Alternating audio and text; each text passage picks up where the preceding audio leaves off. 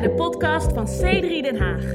Een kerk die mensen wil bereiken, bouwen en bekrachtigen met een boodschap van geloof, hoop en liefde. We hopen dat deze podcast je verfrist en inspireert. Thessalonicense 1, vers 5. Dus als je je phone wil pakken of je Bijbel, dat mag je even opzoeken. Dan uh, kunnen we dit even samen lezen. Er staat, want ons evangelie is niet alleen met woorden tot u gekomen, maar ook met kracht en met de Heilige Geest en met volle zekerheid. Niet alleen met woorden, maar ook met kracht. Wie weet, onze, ons geloof is niet alleen een intellectueel iets. Uh, toen het evangelie uh, werd gepredikt, het kwam eerst met woorden en woorden, dat, dat is belangrijk. Het is belangrijk dat we begrijpen wat we geloven. Het is belangrijk dat het uitgelegd wordt. We hebben allemaal uh, denkvermogen. Ik, uh, ik persoonlijk, ik hou van, uh, van dingen bekijken vanuit een soort intellectuele hoek. En het mooie van het christendom is dat er ook echt een intellectueel fundament is voor wat we geloven. Dus woorden zijn belangrijk, maar ons, ons, het evangelie, ons geloof is niet alleen maar woorden, niet alleen maar positief denken, niet alleen maar een soort morele code of uh, iets waar we intellectueel uh, zeggen, ja, daar ben ik het mee eens. Ons, ons geloof is ook krachtig. Daar zit kracht in. En er staat, weet je, toen het evangelie werd gepredikt, gepredikt, het kwam niet alleen maar met woorden, maar ook met kracht. En niet fysieke kracht, maar onzichtbare kracht. Als je leest over het leven van Jezus, dan zie je dat hij, hij rondliep en hij genas mensen en hij bevrijdde mensen en hij veranderde dingen in het onzichtbaar en dat veranderde dingen in wat we kunnen zien. Dus wij zijn geroepen als christenen om eigenlijk een krachtig leven te leiden in het onzichtbare wereld, dat we, dat we echt wonderen zien. Dus uh, nu kom ik even bij, uh, bij iets wat ik uh, vorig jaar heb meegemaakt. Um, als veel van jullie weten, uh, onze oudste dochter heeft een beperking. En uh, in mijn laatste preek had ik verteld dat we afgelopen zomer, dus eigenlijk ja, dan een jaar geleden nu, hadden we een soort crisis. Want we hadden een hele dierbaar, vertrouwbare begeleider die iedere week kwam uh, voor Emily zorgen. Emily heet mijn dochter. En, en zij vertelde dat ze zou stoppen. En toen uh, raakte ik een beetje in paniek. Uh, wie weet uh, hoe dat is. Soms komt er iets op je pad wat je niet had verwacht. En je denkt, oh man, hoe ga ik hiermee omgaan? En het deed me een beetje denken eigenlijk aan ja, vijf, zes jaar geleden toen we deze kerk begonnen. Verhuisden we van Amsterdam naar Den Haag. En toen hadden we alleen maar Emily, maar ik was net zwanger. Dus alles gebeurde tegelijk. Ik had een nieuwe baan in Voorburg en ik was zwanger en we startten de kerk. En we hadden ook vrij recentelijk de diagnose gekregen voor Emily. En dat was een heel moeilijk seizoen voor ons, want we hadden veel momenten waar we echt hulp nodig hadden. Gewoon praktische hulp als gezin. Maar er was niemand, of in ieder geval niet zoveel, want we kenden bijna niemand in Den Haag. En nou, mijn familie is allemaal in Nieuw-Zeeland, dus niet echt om de hoek dan. En uh, weet je, Lucas' familie is ook uh, ver weg, dus ik had echt momenten waar ik zei: God, stuur help nu. Maar um, ja, er kwam niemand eigenlijk. We hadden momenten waar het echt, het was gewoon even doorbijten. Nou, dat bracht voor mij niet echt een crisis in mijn geloof, want mijn, mijn relatie met God, het was niet echt gebaseerd op alles wat Hij voor mij zou doen. Weet je, ik dacht, God, ik geloof u, of u nou alles doet wat ik wil of niet. En dat is wel een hele belangrijke basis. Weet je, God, hij is niet Sinterklaas, om even een uh, toepasbare, zeg maar, relevante vergelijking. Het is niet dat hij daar maar zit om alles te doen wat wij willen. En dat wist ik en dat vond ik prima. Maar het had wel een soort effect op mij, want ik snapte het niet helemaal. Weet je, soms doet God niet alles wat je denkt dat hij moet doen. Dus um, ja, nou op een gegeven moment uh, kregen we wel hulp en we vonden op hele bijzondere wijze deze begeleider. En zij was echt een antwoord op gebed. En dacht, nou, fantastisch, eindelijk heeft God uh, ons gebed verhoord. Ja, en toen, toen stopte ze. Nou, er was iets in mij, ik dacht, ja, dit kan gewoon niet. Het kan gewoon niet meer dat ik weer er alleen voor sta. En uh, ik wist dat het moeilijk zou zijn om iemand te vinden. Vooral voor de zondagochtenden, wanneer we kerk doen, hebben we iemand nodig voor haar. En uh, ik dacht, dit, dit wordt echt een moeilijke klus. Dus in mijn laatste preek vertelde ik hoe de eerste wat ik voelde ik moet doen, is even mijn vrienden bellen en vragen, hey, wil je voor me bidden? En dat bleek achteraf super significant, dat is heel belangrijk voor mij. En als je daar meer over wil weten, dan kun je de laatste preek luisteren. Maar nu komen we verder bij het volgende stuk, want ik had echt even, ja, ik had even een ding met God. Kan je een appeltje schillen met God? Ik weet het niet. Maar ik zei, God, ik wil deze keer echt een wonder zien. Ik wil niet alleen maar gewoon er zelf. Ik wil niet alleen maar weer overleven. Ik wil niet alleen maar zelf het allemaal moeten doen. Ik bedoel, is mijn geloof nou alleen maar positief denken? Ik wil meer dan alleen maar moreel ondersteuning voor mijn geloof. Ik wil zien dat er iemand komt. Ik wil een wonder. Als u echt bent, wil ik een wonder zien. Nou, dat is een beetje een gevaarlijk gebed om te bidden. Uh, en ik, ik, denk, als je dat wil bidden, dan in ieder geval vertel iemand. Hè? Ik ik, ik, niet, ik raad je niet echt aan om die ultimatums te geven. Maar dat uh, zo sterk voelde ik. Van hey, ik wil nu echt zien dat God het u echt bent. Ik bedoel, is mijn geloof krachtig of niet? Ik weet niet of je dat herkent, maar zo, zo was ik in ieder geval. En uh, heel snel bracht God mij uh, naar een geweldig verhaal in het Oude Testament. En kan ik je vertellen, als je zo'n moment hebt, zo'n crisismoment hebt met God, het beste wat je kunt doen is één, natuurlijk iemand vertellen, maar ten tweede, duik het woord in. Hm? Het is niet alleen maar afwachten van, nou God, even kijken, weet je. Het is gewoon zelf op zoek gaan naar antwoorden. Dus ik ging de Bijbel lezen en ik kwam bij dat oude prachtig verhaal over David en Goliath. Dus daar gaan we het over hebben vandaag. Dus kom nu met me mee naar 1 Samuel 17. En ik wil lezen naar, uh, vanaf vers 8. Er staat, in het dal bleef de Filistijn staan. Oké. Dus we hebben het over de, de twee legers, de Israëlietenleger en de legers van de Filistijn. Ze zijn in oorlog en, uh, en toen kwam de reus Goliath. In het dal bleef de Filistijn staan en riep de Israëlieten toe: Waarom zouden jullie optrekken en slag leveren? Ik ben een vrije Filistijn en jullie zijn maar slaven van Saul. Kies iemand uit, jullie midden, en laat hem hier beneden komen. Als hij me aan kan en me verslaat, zullen wij aan jullie onderworpen zijn. Maar als ik hem aan kan en hem versla, zullen jullie aan ons onderworpen zijn en ons als slaven dienen.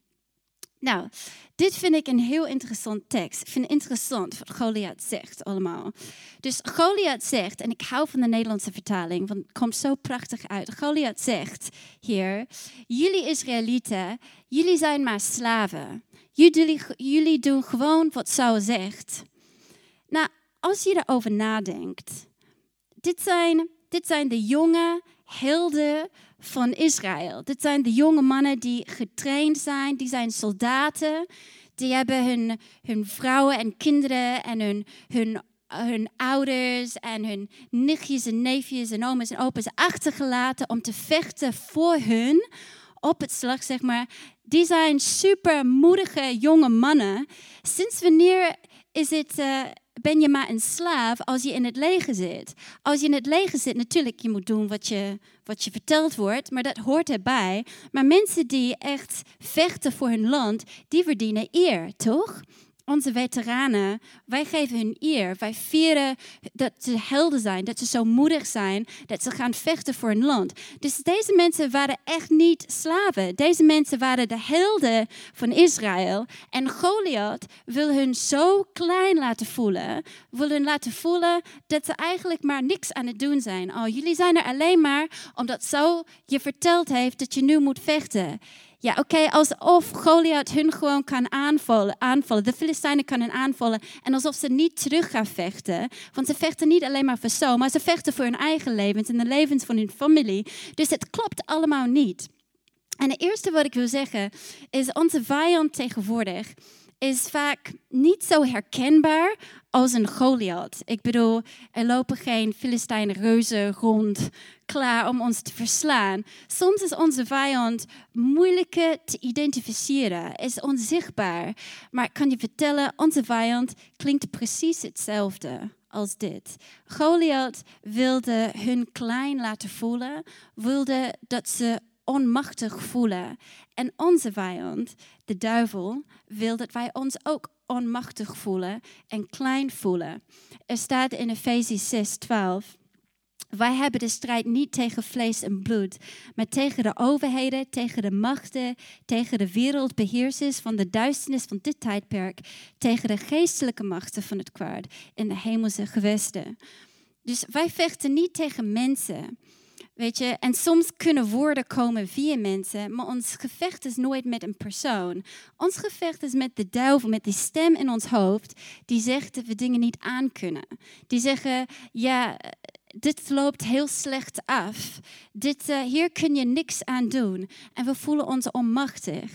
En het eerste begin om onze strijd te overwinnen, de eerste stap is om te erkennen dat die stem in ons hoofd niet van God komt. De stem in ons hoofd komt van de duivel. Nou, het is niet per se dat alle omstandigheden van de duivel komen. En niet alle omstandigheden komen van God. Weet je, sommige omstandigheden zijn gewoon neutraal. Het gebeurt gewoon, het leven gebeurt.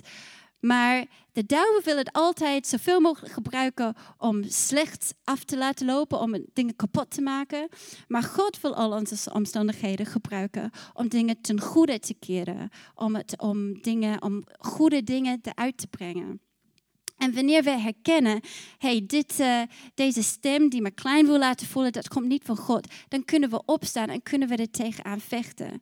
En voor mij, ik weet nog, toen, toen ik uh, in deze die situatie was met Emily, ik voelde me echt, ja, wat kan ik hier aan doen? En voor mij voelde het echt als een grote reus. En het was voor mij een soort openbaring om te denken, weet je, dit, ik moet ik moet opstaan. Ik moet dit zien als, als iets wat niet van God kom, komt. Niet iets dat mij wil verslaan, maar dat gaat niet gebeuren. Dus laten we lezen naar wat Davids reactie was op de Filistijn. Want dat is echt uh, prachtig. In vers 32 uh, eh, zegt David tegen Saul: We hoeven om de Filistijn toch niet de moed te verliezen. Ik zou met hem gevecht, ik zou met hem het gevecht aangaan. Maar je kunt hem toch onmogelijk aan, wierp Saul tegen. Jij bent nog maar een jongen en hij is al van jongs af aan gewend om te vechten. Ik heb altijd de kudde van mijn vader gehoed, antwoordde David. Wanneer er een leeuw of een beer kwam om een schaap en een geit uit de kudde te stelen, ging ik er achteraan, overmeesterde ik hem, redde het dier uit zijn muil.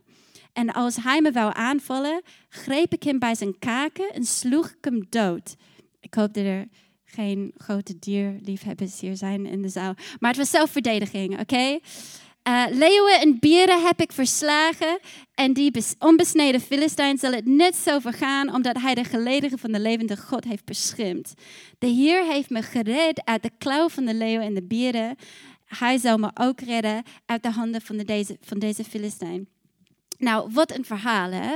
Je, je ziet dat David, hij is super confident. Hij is super vol vertrouwen eigenlijk. Maar hij zegt twee interessante dingen. Hij zegt aan de ene kant, toen die leeuw kwam, ik pakte hem bij de kaak en ik sloeg hem dood. Maar daarna zegt hij, God heeft mij gered uit de klauwen van de leeuw. Dus David, welke was het? Was het God die jou heeft gered? Of was jij het die gewoon de held was en hem gewoon doodsloeg? En de antwoord is natuurlijk, het is allebei. Het was aan de ene kant David, die zo dapper en moedig was. Die rende op de leeuw af. Ik denk heel veel herders hadden gewoon gezegd, oké, nou, die schaap is maar verloren gewoon. Maar David zei, nee, dit pik ik niet. Ik ga niet zomaar hier staan terwijl mijn schapen worden beroven. Dus hij rende achter de leeuw aan. Wat een verhaal. Pakte hem, sloeg hem dood. Weet je, en dan zegt hij, God heeft me gered. En dat klopt ook. Van hoe vaak heb je gehoord nou van een jongen die een leeuw vastpakt bij zijn kaken doodslaat. Ik bedoel, dat hoor je toch niet? Dat is gewoon God die hem beschermt en die ervoor zorgt dat hij niet doodgaat en dat eigenlijk de overwinning naar David gaat. Dus je ziet een supermooie uh, het was echt een team. Hè? God heeft hem gered, maar David heeft het wel gedaan. En uh, ik wist wat God tegen mij wilde zeggen van dit verhaal. Want uh, ik, had ik had een soort plaatje in mijn hoofd. Um, vooral in de maanden nadat we het nieuws hadden gekregen van mijn dochter. En we waren een beetje aan het wennen aan het idee uh, dat we ja, een, een, kind met een best ernstige verstandelijke beperking zou moeten grootbrengen. Ik voelde alsof ik in een grote soort sneeuwstorm was.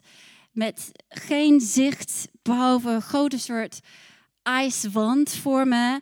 En ik was enorm aan het bidden: God, stop de storm. Laat het, weet je wel, laat de zon komen, alsjeblieft. Gewoon red me uit deze situatie. En uh, ik keek uh, naar, mijn, naar mijn vrienden, want we hadden vrienden die een beetje tegelijkertijd uh, kinderen hadden gekregen. En ik zag dat ze wel, weet je wel, uitdagingen hadden, pieken en dalen, maar het leek allemaal gewoon best wel goed te gaan. En ik keek naar hun en dacht, oh, ze zijn gewoon lekker aan het wandelen over de mooie heuvels en de zon van ouderschap. En hier sta ik gewoon smeken naar zuurstof in de Himalayas. Gewoon, weet je wel, my goodness, hoe kan ik dit doen? God, help me, help me, help me. En ik had het gevoel dat God langskwam en uh, hij, um, hij, uh, hij, hij gaf me grote, dikke sneeuwlazen en een grote, dikke sneeuwpak.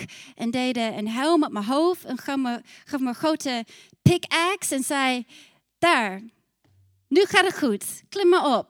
Komt goed. En ik weet nog, ik stond er en dacht, dit wil ik helemaal niet. Dus ik wist dat God was, want dat was echt niet mijn idee. God, ik wil zon. Hè? Ik, wil, ik wil wandelen langs het strand op Scheveningen op een mooie zonnige dag. Ik wil niet gewoon een rockclimber worden, weet je wel. Ik heb besloten om mijn uh, boodschap vandaag uh, te, te noemen uh, Pick up your pickaxe. En ik ben erachter gekomen dat alle op school, dat alle 12, 13-jarige ne Nederlanders, die weten wat een pickaxe is vanwege, Minecraft. maar als jij niet Minecraft speelt en je denkt, wat is een pickaxe? Nou, ik heb net gisteravond geleerd dat een pickaxe is een pikhouweel. Zegt dat jullie iets? dat 14 jaar in Nederland en ik heb net dat woord geleerd, oké? Maar mijn 11-jarige leerlingen, die weten allemaal wat een axe is. Thank you for Minecraft. Oké, dus pick up your pickaxe pak wat God je geeft en begin te vechten, begin te klimmen. Er is een supermooie tekst in, um, in Joel 14 en ik lees dat al mijn hele leven in, uh, in het Engels eigenlijk. En daar staat, laat de zwakke zeggen, ik ben sterk.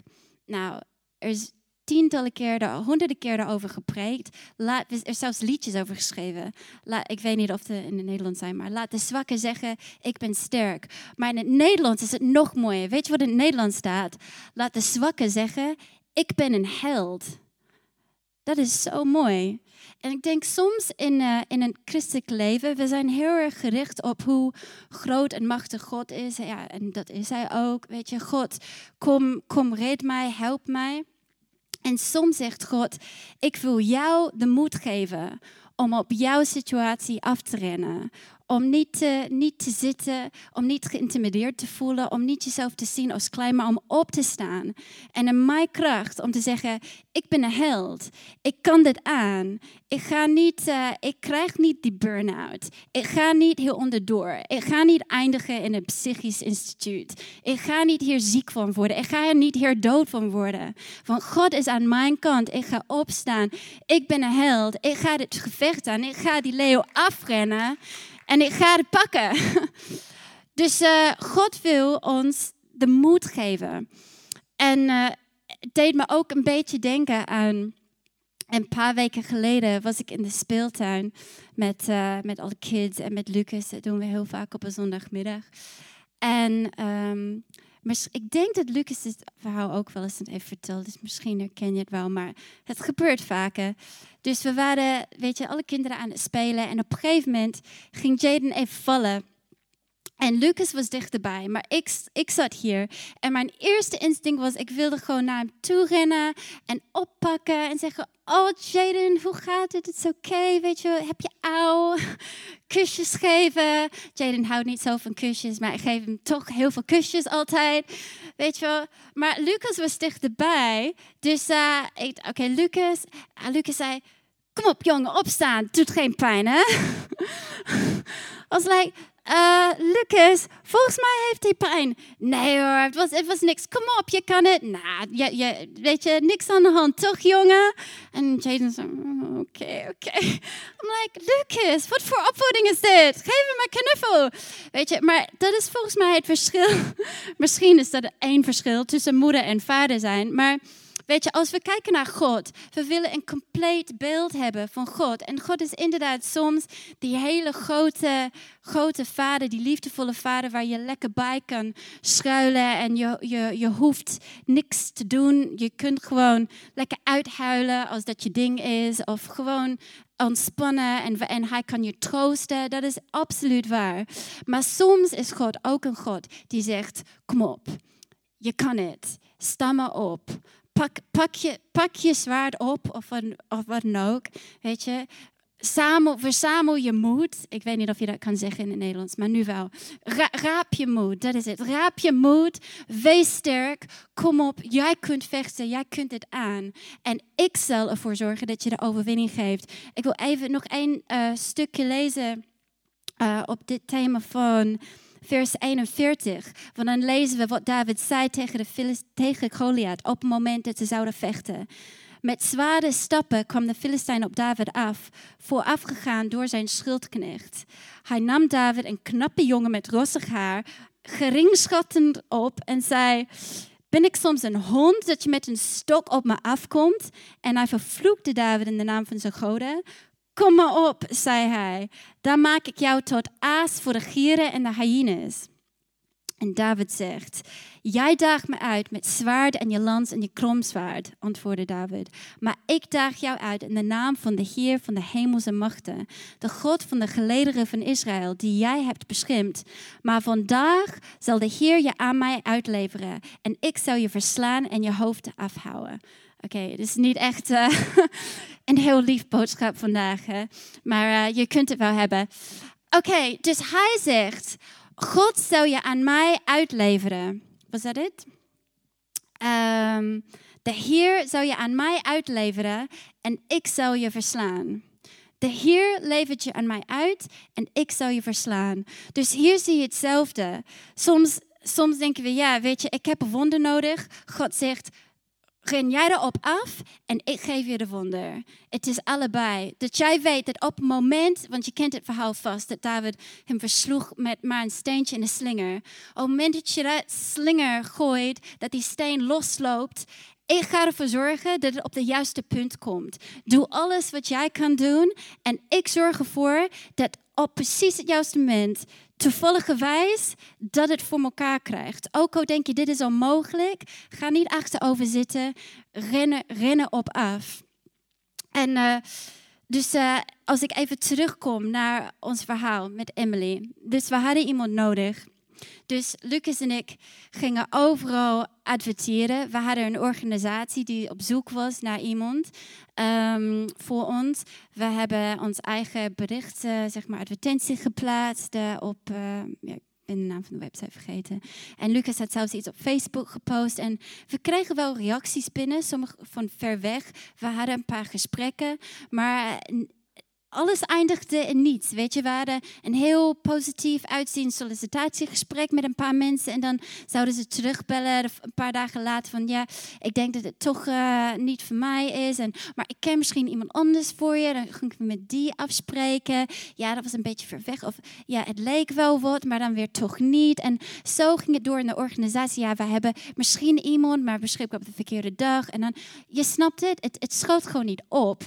En ik had in mijn hoofd een bepaalde datum waar ik dacht, we moeten echt tegen die zondag moet ik iemand uh, hebben. Want alle, waren veel lieve vrienden en familie die ons wilden helpen, maar dat was allemaal een beetje incidenteel. En uh, we hebben Sean hier, onze geweldige begeleider, die ons helpt. En ik wist, ja, ik kan haar twee zondagen achter elkaar vragen, maar niet drie of vier. Dat wordt te veel. Dus weet je, ik had alles ingezet en er was één zondag gedacht, that's the deadline, God.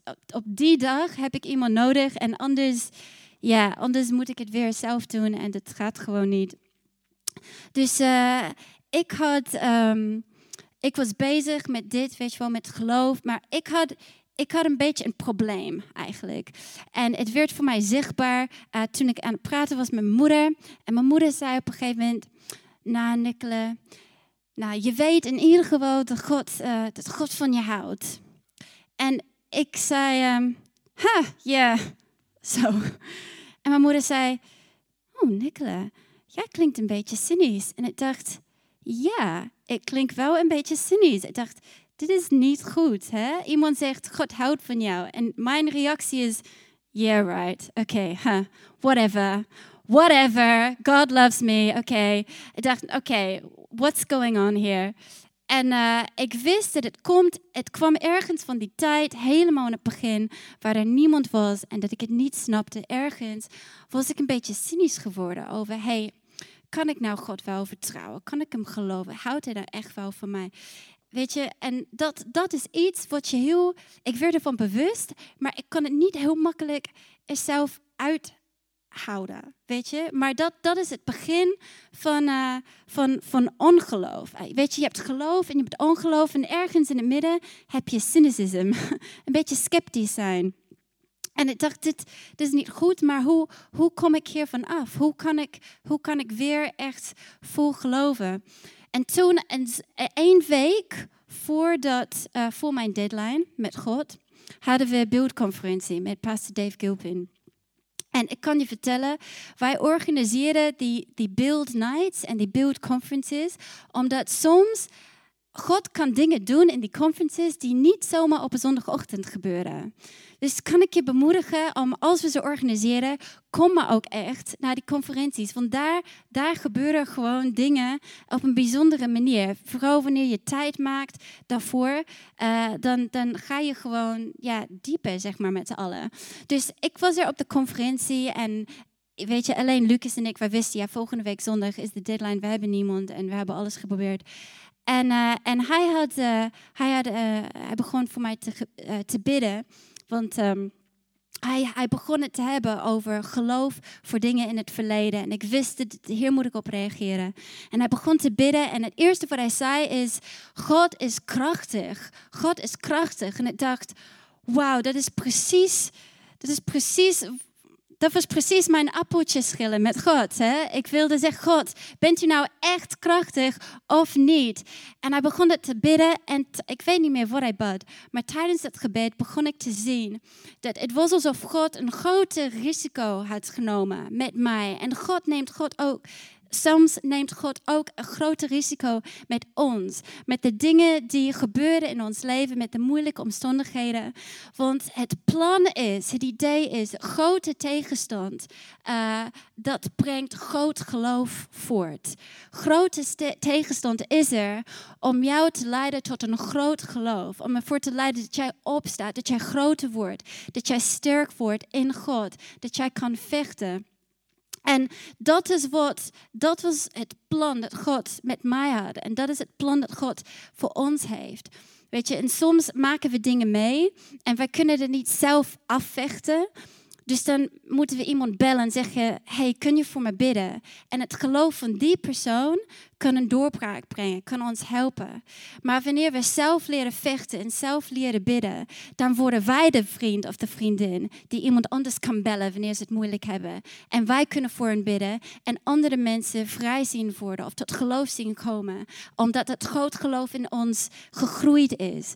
Dus ik voelde terwijl hij belde, opeens begon te zien dat God er wel de hele tijd was geweest. En dat het eigenlijk die hele seizoen was er bedoeld, zeg maar, dat ik dat zou leren vechten. En ik voelde dat cynicisme gewoon uit me komen. En aan het eind van het gebed, ik voelde me echt tien keer beter. Ik dacht, wauw, ik voel alsof ik nu uh, echt gewoon kan geloven.